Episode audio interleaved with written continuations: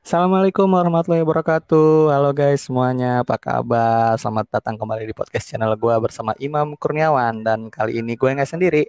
Kali ini gue sama temen gue dari Bandung namanya Indah. Halo Indah. Halo, Halo, assalamualaikum. Waalaikumsalam warahmatullah. Indah Gimana gimana? Eh, ya udah, aku dulu ya.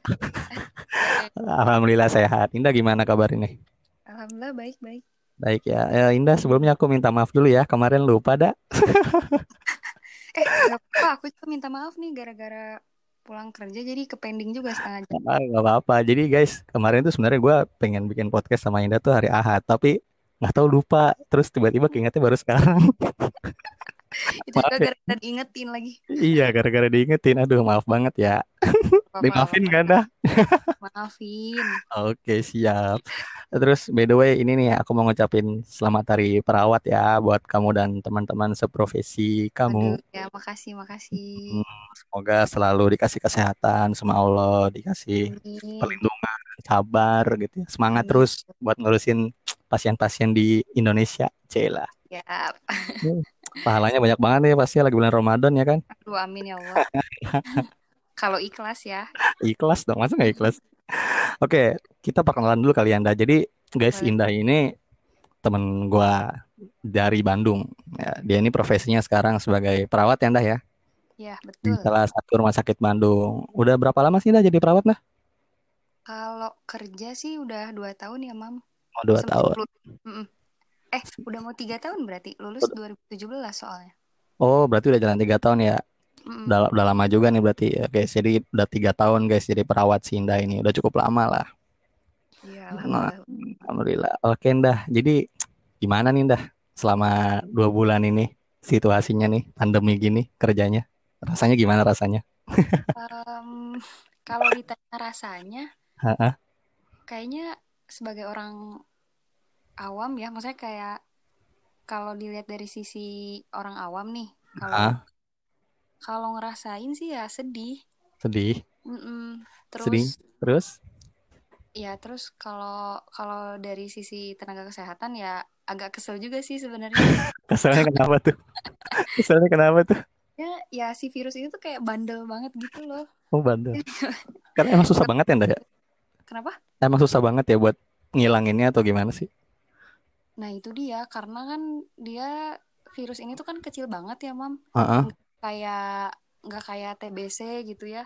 Dia pengobatan Oh, enam bulan beres. Kalau virus corona kan karena dia virus nih, bentuknya mm, juga dia lebih kecil.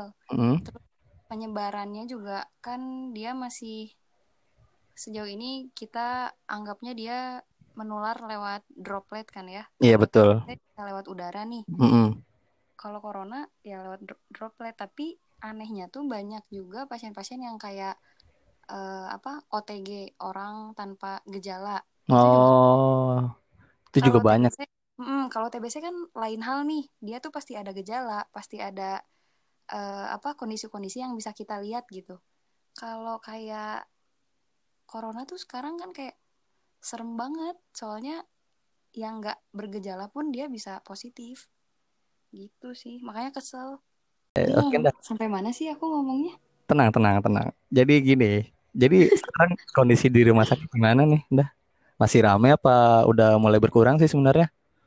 Kalau kondisi di rumah sakit eh, Mm-mm. sebenarnya berkurang sih, Mam. Eh, ini yang berkurang pasien COVID atau pasien secara umum? Kalau secara umumnya dulu gimana?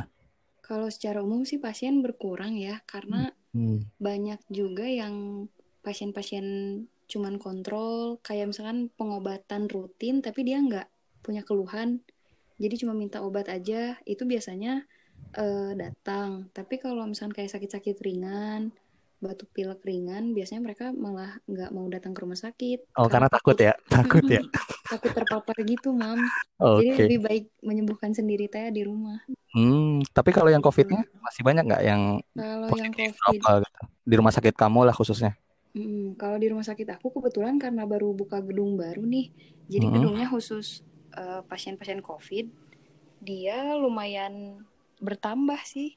Bertambah. Mm-mm. Jadi pasien yang positif tuh kan pertama tuh PDP dulu ya, eh ODP Iya, dulu. ODP. Hmm, udah ODP tuh kan PDP. Nah, pasien-pasien yang PDP ini kan dicurigai dia positif ya. Mm-mm. dipisahin gitu di gedung tersendiri dia pisah sama gedung utama nah Oh, mm, termasuk pasien-pasien yang udah positif dia di isolasinya di gedung terpisah gitu dan itu tuh pasti ada aja bertambah setiap hari tuh ada aja yang nambah. Mm-mm, setiap hari tuh ada aja yang nambah Insya Allah, itu tuh serem pisan. tapi menurutku sih karena rumah sakit di tempat aku kerja ini bukan rumah sakit rujukan eh, jadi dia nggak terlalu sebanyak rumah sakit rujukannya gitu loh oh gitu ya. Berarti Mm-mm. kalau di situ aja udah rame, apalagi yang di rujukan. Nah, itu dia. Soalnya ada juga beberapa teman aku yang emang kan dia jadi relawan juga tuh, Mam, di Jakarta. Ah, Ada yang Jakarta. Wisma Atlet sama yang Ah, di Rumah Sakit Pertamina. ah. Itu tuh aku sempat nanya juga yang di Wisma Atlet berapa nih pasiennya. Terus dia bilang ya kadang mah kalau misalkan lagi rame tiba-tiba datang bisa sampai 100 atau puluhan yang datang. Astagfirullahaladzim. Hmm. Amat ya. Oke. Speechless tau gak sih? Speechless aku. Ya gitu. Tapi eh, emang ngeselin juga, Mam, keren ya. Iya sih. Kebayang sih. gitu. Oke, oke. Terus itu. Kan tadi kondisi rumah sakit udah ya. Mm-mm. Nah, kalau ini APD tuh. APD sekarang gimana tuh? Udah masih susah nggak kayak yang waktu itu kamu kasih tahu? APD sih alhamdulillah udah tersedia sih mam sekarang. Oh, udah nggak pakai jas hujan lagi nih. Kalau jas hujan masih sih. Oh, masih. Jadi Oh, masih. waktu pas awal-awal eh, yang susah itu adalah masker mam justru. Karena kan Oh, masker tuh masker. tuh kan APD paling pertama ya. Maksudnya dibanding Betul, jas betul. hujan, dibanding kacamata, dibanding eh, hair cap kan Mm-mm. masker Masker. eh, paling utama tuh. Cuman waktu pas awal-awal ya emang agak langka juga karena ya you know lah banyak Iya, penimbun-penimbun. banyak makelar ya. Iya gitu. Tapi alhamdulillah sekarang udah aman kok. Oh, alhamdulillah lah kalau gitu. Soalnya kan kemarin kamu yang ngirimin pakai itu sedih banget aku ngeliat. Iya bener. Juga kan ya foto sama eh, teman-teman aku itu pakai jas hujan Mm-mm. yang warna biru. Iya, makanya kasihan banget kata aku. Udah paling depan ya kan, terus equipmentnya kurang ya Allah. Iya bener. Tapi nih, kamu nih sejauh ini nih kan Hmm. udah dua bulan nanganin, terus apalagi sekarang puasa. Itu cara kamu sama teman-teman kamu supaya tetap sehat tuh gimana dah Cara supaya tetap sehat ya ini sih sejauh ini gitu yang kamu lakuin?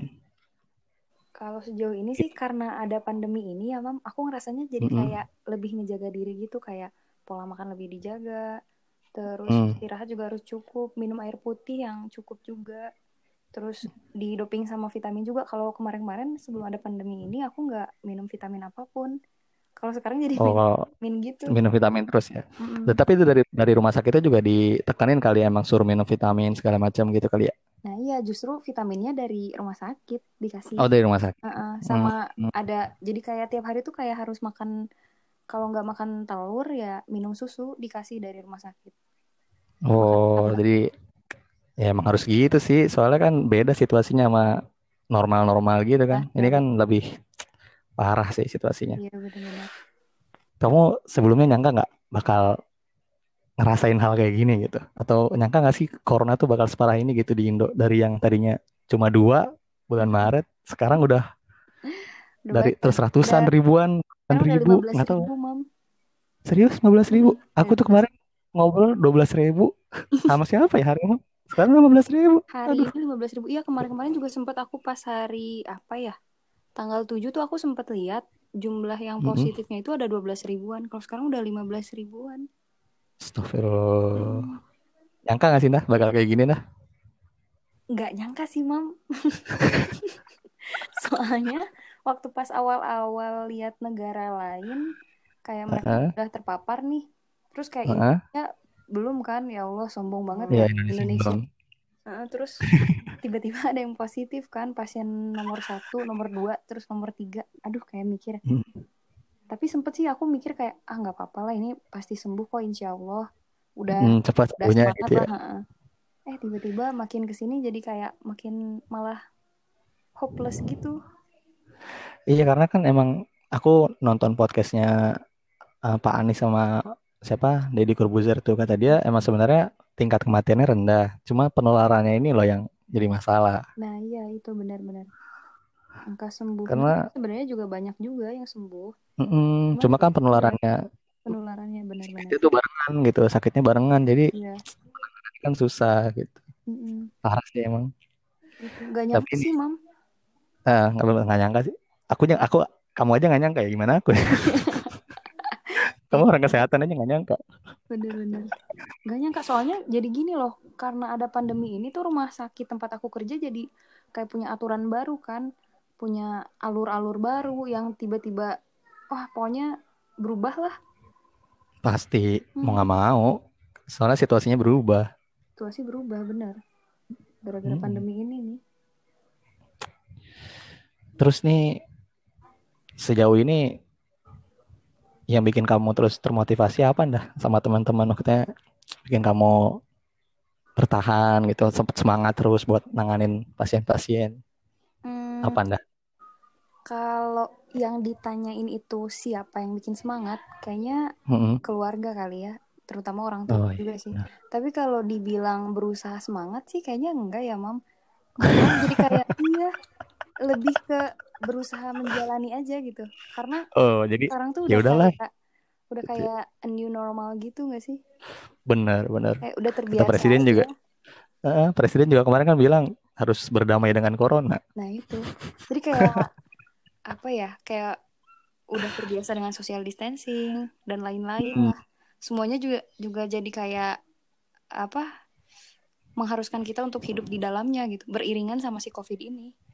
benar benar barusan aku baca berita CNN kata WHO corona ini katanya nggak mungkin pergi.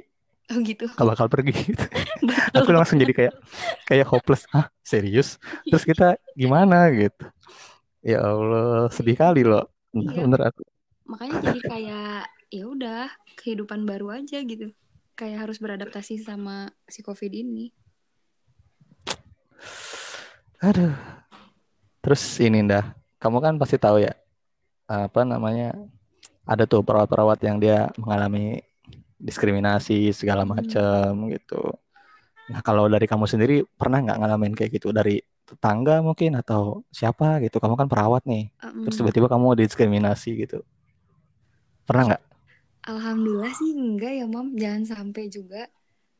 Mm, Malah jadi balik gitu loh. Malah banyak yang nyemangatin gitu kayak orang yang nggak diduga-duga bakal nyemangatin pun juga malah ikut nyemangatin. Kayak oh kaget hmm gitu, kayak surprise banget. Soalnya ada beberapa temen juga yang tiba-tiba ngontak, terus tiba-tiba hmm kabar, ngasih semangat. Itu kayak ngedoain gitu ya ngedoain. Sebetulnya kecil sih, tapi kayak wah berarti banget gitu. Gitu sih. Alhamdulillah tuh enggak sih. Jangan sampai ya. Hmm, tuh guys ya buat pendengar podcast gue, dukungan kalian tuh sangat berarti. Iya betul. Walaupun cuma sekedar kata-kata, ya dah. Benar nggak dah? Semangat ya dah. Terus kamu ngelihat yang waktu itu didiskriminasi gitu, yang jenazahnya ditolak, diusir Oh dari iya. kontrakan, gimana respon Mm-mm. kamu tuh? Teman-teman kamu waktu itu Ya kesel nggak? Kesel nggak? kesel dong pasti kesel. Terus sedih juga. Terus pengen marah juga. Karena ya itu tuh gimana ya. Padahal kan perawat juga manusia yang bisa sakit dan bisa meninggal kayak mereka. Kan ada tuh yang Betul. kasus perawat yang meninggal terus jenazahnya nggak diterima kan, ditolak dimakamkan di TPU setempat. Sebetulnya ya mungkin mereka tuh bukan jahat kali ya, Mam. Karena Belum sikap tahu kayaknya. Mm, karena sikap mereka kan muncul karena kurang pengetahuan dan kurang pengetahuan itu yang menyebabkan mereka nggak paham. Nah, itu padahal kan ya perawat juga, maksudnya yang menguburkan juga pasti udah ngelakuin prosedur-prosedur yang aman banget ya nggak sih? iya pasti dong, udah ada SOP-nya kan pasti. SOP sendiri, terus Mm, perawat-perawat yang pulang dari rumah sakit itu kan juga udah pasti mereka lebih paham lah tentang kesehatan gitu. iya Tega banget benar. sampai sendiri kan, ya ampun. Iya kayak mereka tuh harusnya juga belajar untuk menempatkan dirinya pada posisi orang lain gitu supaya bisa ngerti. Coba deh kalau dibalik kan ya posisinya, seandainya mereka sakit nih, Nah, terus itu. ah, terus mereka datang mau berobat terus mengharuskan mereka untuk dirawat terus misalkan perawatnya bilang maaf saya nggak mau rawat kamu nih. Itu masih dalam versi Ah, halus kan ya? Coba seandainya kalau Wah, perawatnya nolak dengan cara lempar batu atau lempar ranting gitu sambil ngusir, apa nggak di demo tuh rumah sakit? Ya, apa nggak perawatnya langsung dilaporin tuh ke polisi? Ya Pasti sih? dilaporin lah, pasti rame lah. Itu pasti Iya, rame. Rame banget gitu. mm, sedih. Giliran perawatnya diperlakuin kayak gitu ya. Iya, pokoknya ya coba deh kalau misalkan dia tuh ada di posisi eh, kita gitu. Perawatnya gitu Nah, ya. terus kita yang Nah, nolak mereka, ah pasti nih, pasti perawatnya bakal dilaporin kan ke polisi kalau kayak gitu. pasti banget, pasti banget. Beda lah, soalnya beda. Iya, Pon.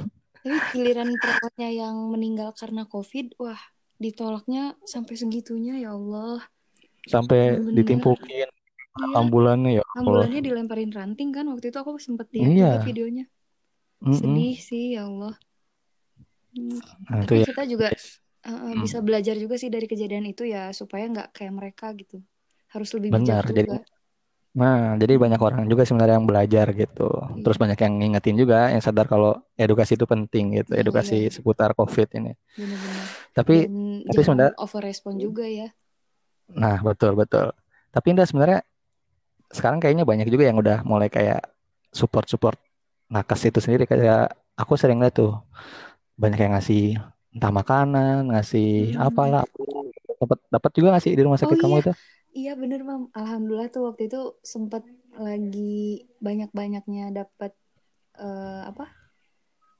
Dapat bantuan. kayak bantuan gitu. Sempet Nah, ada yang ngirimin kayak face shield gitu, yang penutup wajah itu hmm. loh. Oh iya iya iya iya iya. iya. Hmm, terus ada juga sempet beberapa yang ngirim roti, terus ngirim susu pernah. Emang sih Oh iya kayak diperhatiin gitu loh. Cela lebih perhatian ya orang-orang jadinya ya. Iya, Ya emang gitu. Sebenarnya nah ya dibalik dibalik banyak orang yang eh, dibalik segelintir orang yang diskriminasi itu yang dukung tuh lebih banyak sih menurut aku. Iya, benar-benar. Banyak banget soalnya ya maksudnya nggak melulu kita bantunya ke rumah sakit ya tapi banyak juga yang bantunya lewat bantuan langsung ke masyarakatnya. Ah, iya benar, benar. Yang ke rumah sakit juga banyak kayak Dokter Tirta Banyak. itu kan luar Iya, biasa tuh. Luar biasa dia. Dokter Tirta. Yang ke masyarakat, yang ke masyarakat juga ini sih banyak ya sekarang. Banyak Dan alhamdulillah sih. donasi-donasi segala macam. Iya, Hmm, pokoknya istilahnya bareng-bareng lah gitu. iya, bareng. Bareng-bareng buat ngelawan corona sendiri Iya, gitu. betul, betul. Aduh.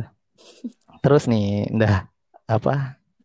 Aku mau nanya yang lagi viral kemarin nih Iya. tentang ada yang bilang COVID itu sebenarnya konspirasi. Wah, Aduh, ini lagi nih, ya Allah. respon kamu gimana? Teman-teman kamu dan kamu itu responnya gimana pas tahu ada yang bilang "Eh, ini COVID mah konspirasi gitu. iya, iya, Gimana? iya, iya. Sebenarnya, wallahu alam ya, Mam. Cuman aku Heeh. sendiri tuh nggak pernah mau ngeribetin pikiran aku dengan teori-teori konspirasi sih.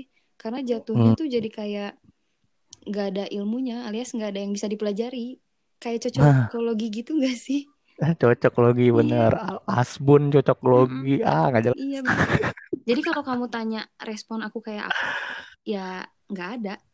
Malah Nggak ada, nggak ada respon. nggak ada respon. Malah jadi kayak jelek juga sih. Soalnya curiga terhadap sesuatu malah bikin cemas diri sendiri kan. Kalau ditanggepin. Hmm. Kan banyak tuh beberapa konspirasi yang beredar. Bahkan aku juga sempat baca di IDN Times waktu itu tentang Mm-mm. COVID-19. Katanya virus ini tuh virus buatan laboratorium asal Tiongkok gitu yang sengaja dilepas buat senjata Heeh. biologis. Ah, Nah, dan ternyata hasilnya enggak kan? Malah udah ada jurnal juga, mm, udah ada jurnal yang juga menginvestigasi tentang ini. Terus hasilnya juga ya virus tersebut memang natural dan nggak ada campur tangan orang. Nah, gitu. Jadi sebenarnya aku juga bingung orang yang percaya konspirasi gitu ya. Karena yang bicara juga sebenarnya bukan yang di bidangnya gitu loh. Iya, bukan yang ahli ya. Yang bukan yang ahli di bidangnya, yang populer, yang mempopulerkan juga bukan ahli di bidangnya gitu. Cuma modal ini loh, YouTube FE101. Terus kita juga nggak tahu tuh yang punya channel itu siapa gitu, background pendidikannya apa kita juga nggak tahu. Iya benar-benar. Iya. Belum lagi ada yang eh, ini kan apa sih yang si Jerings itu ya? Hmm, jaring Ah, situ. ah, Jerings itu kan coba deh kalau dilihat wawancaranya sama Aiman di Kompas TV tuh. Nah, dari kayak cara bicara aja udah sangat kelihatan. Yang dia Nah, bahas itu ya sumbernya nggak kredibel. Jelas. dari Nah, betul. website lah dari film lah dari apalah. Nah, nggak nggak ini nggak bisa dipegang juga kan omongannya. Hmm, betul. Nah, makanya nih buat teman-teman semua nih ya pendengar podcast gue, apalagi lu kuliah ya, tolonglah kritis gitu. Jangan main percaya-percaya sama kayak gitu aja gitu. Rajin baca, jangan kalau males baca jadi Hmm. jerings tuh. Ya, Karena tong kosong jerings bunyinya. nyari astagfirullah Sebenarnya gini lah, sebenarnya tujuan dia itu cuma pengen bikin masyarakat itu nggak terlalu takut sama corona gitu. iya betul kalau dilihat dari tujuan sebetul- sebetulnya ada baiknya Mm-mm. Cuma kan gimana ya? Eh, istilahnya kalau bikin tenang itu nggak harus dengan membuat masyarakat percaya corona itu konspirasi menurut aku loh. bener-bener Istilahnya jadi obat jangan membuat teori baru juga ah, iya, menenangkan itu bagus, tapi kan nggak semua obat penenang itu positif ya nggak? eh iya betul Obat penenang yang dia negatif. Sama kayak ini konspirasi itu yang membuat masyarakat percaya konspirasi itu apa sih gitu. Parah, eh parah tapi banget. yang konspirasi ini tuh kan yang si Jerings itu kan dia bilangnya yang jadi konspirasi itu adalah angka kematian atau Hmm, angka positif yang dibuat-buat katanya kan agar masyarakat takut sama virus ini. Padahal harusnya tenang-tenang aja karena si angkanya dimainin. Kan dia bilang gitu ya. Nah, tapi kontradiktif kan jadinya? ah, ah, iya betul. Dan tapi ini loh mam nyebar banget tahu konspirasi ini tuh. Bahkan teman aku juga sempat ada yang ngechat gitu via WhatsApp nanyain Hmm. jumlah yang sebenarnya. Dia sempat nanya dah sebetulnya angka positif corona tuh berapa sih terus aku ya nyebutin aja yang sesuai eh, pemerintah bilang kan ya eh Iyalah. enggak tahu katanya di naik naikin angkanya terus aku nanya kan kamu tahu dari mana Terus dia bilang Mm-mm. ya denger denger aja Ya.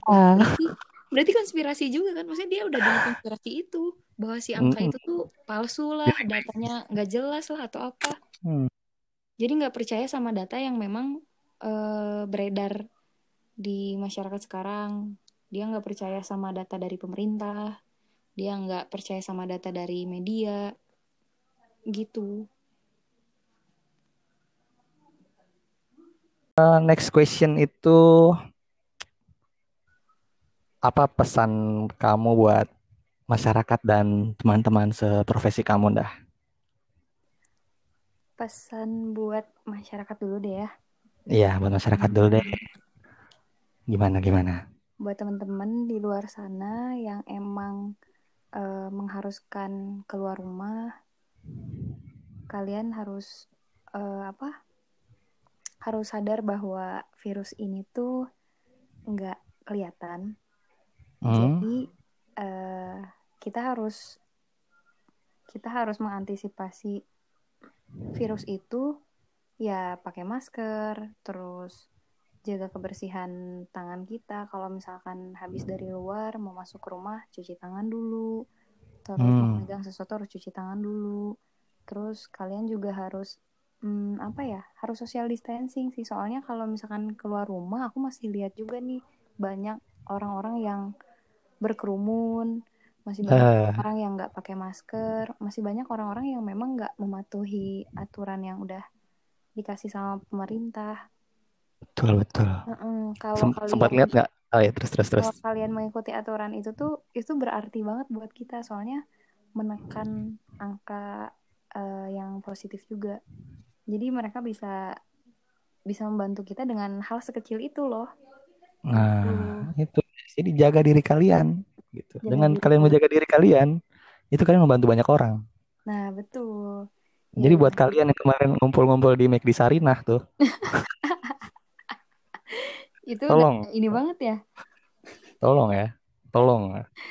Dengerin nih kata teman gue. ya itu nyumbang banget mereka Ih, parah banget sih itu.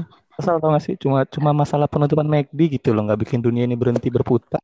iya bener Parah sih. Tapi mam, kalau misalkan Hmm. dilihat lagi ya, aku nih misalkan jadi orang awam, Ya, terus harus hidup di zaman yang sekarang ada COVID ini, ada pandemi ini, mm-mm. emang agak sulit juga sih kalau misalkan memang harus diem di rumah, terus nggak kerja.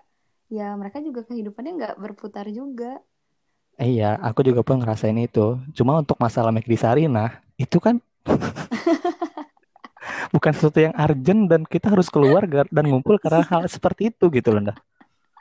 Kalau kerja sih ya mas faedahnya it's juga sih okay lah. Iya, cuma masalah penutupan McD loh. Iya, Tolonglah gitu. Kesel loh aku ngeliatnya itu. Oke Nda, terus buat pesan kalau untuk teman-teman teman-teman seprofesi eh, gimana gimana? eh, tetap semangat, kita ikhtiar bareng-bareng, berdoa, terus kasih yang terbaik, jangan Hmm. eh, jangan lelah, jangan mudah eh, mengeluh juga, karena nggak ada yang sia-sia. Apa yang kita lakukan tuh Wih, pasti ada eh, apa? Ada nilainya di mata Allah. Terus eh, pasti apa pun pasti. yang terjadi itu pasti ada hikmahnya. Kalau kitanya Betul. ikhlas, insya Allah dapat pahala juga. Terus buat temen aku nih yang ngurusin pasien eh, COVID yang ngerawat juga, mereka di Jakarta ada Tantan sama Nida. Semangat Tante kalian. ya. Hmm, Semoga semangat. jadi pahala juga ya. Amin, amin, Amin, amin. amin. Ya, gitu aja. Gitu aja. Oke, guys. Jadi itulah podcast gue hari ini bersama kita. Semoga Makasih banget atas waktunya. Semoga ada Ya, manfaatnya nih buat amin, amin. Dan semua orang. Jadi buat kalian semua guys, para pendengar podcast gue, cobalah buat tetap patuhi aturan. Jangan aneh-aneh. Keluar itu kalau perlu. Kalau buat cuma sekedar penutup, penutupan McD, janganlah keluar. Buat apa? Tetap ya itu ya, Sarina. Iya, Sarina dan konspirasi itu aku sebel banget tuh. Ya udah guys, itu aja mungkin. Makasih Anda atas waktunya. Sorry nih Iya, kalau sama Imam. lambat. Makasih juga. Gak apa-apa, gak Oke, oke. Juga. Salam. bermanfaat ya, teman-teman. Iya, semoga sehat selalu. Salam buat teman-teman seprofesinya. Iya, makasih. Assalamualaikum. Waalaikumsalam. Oke.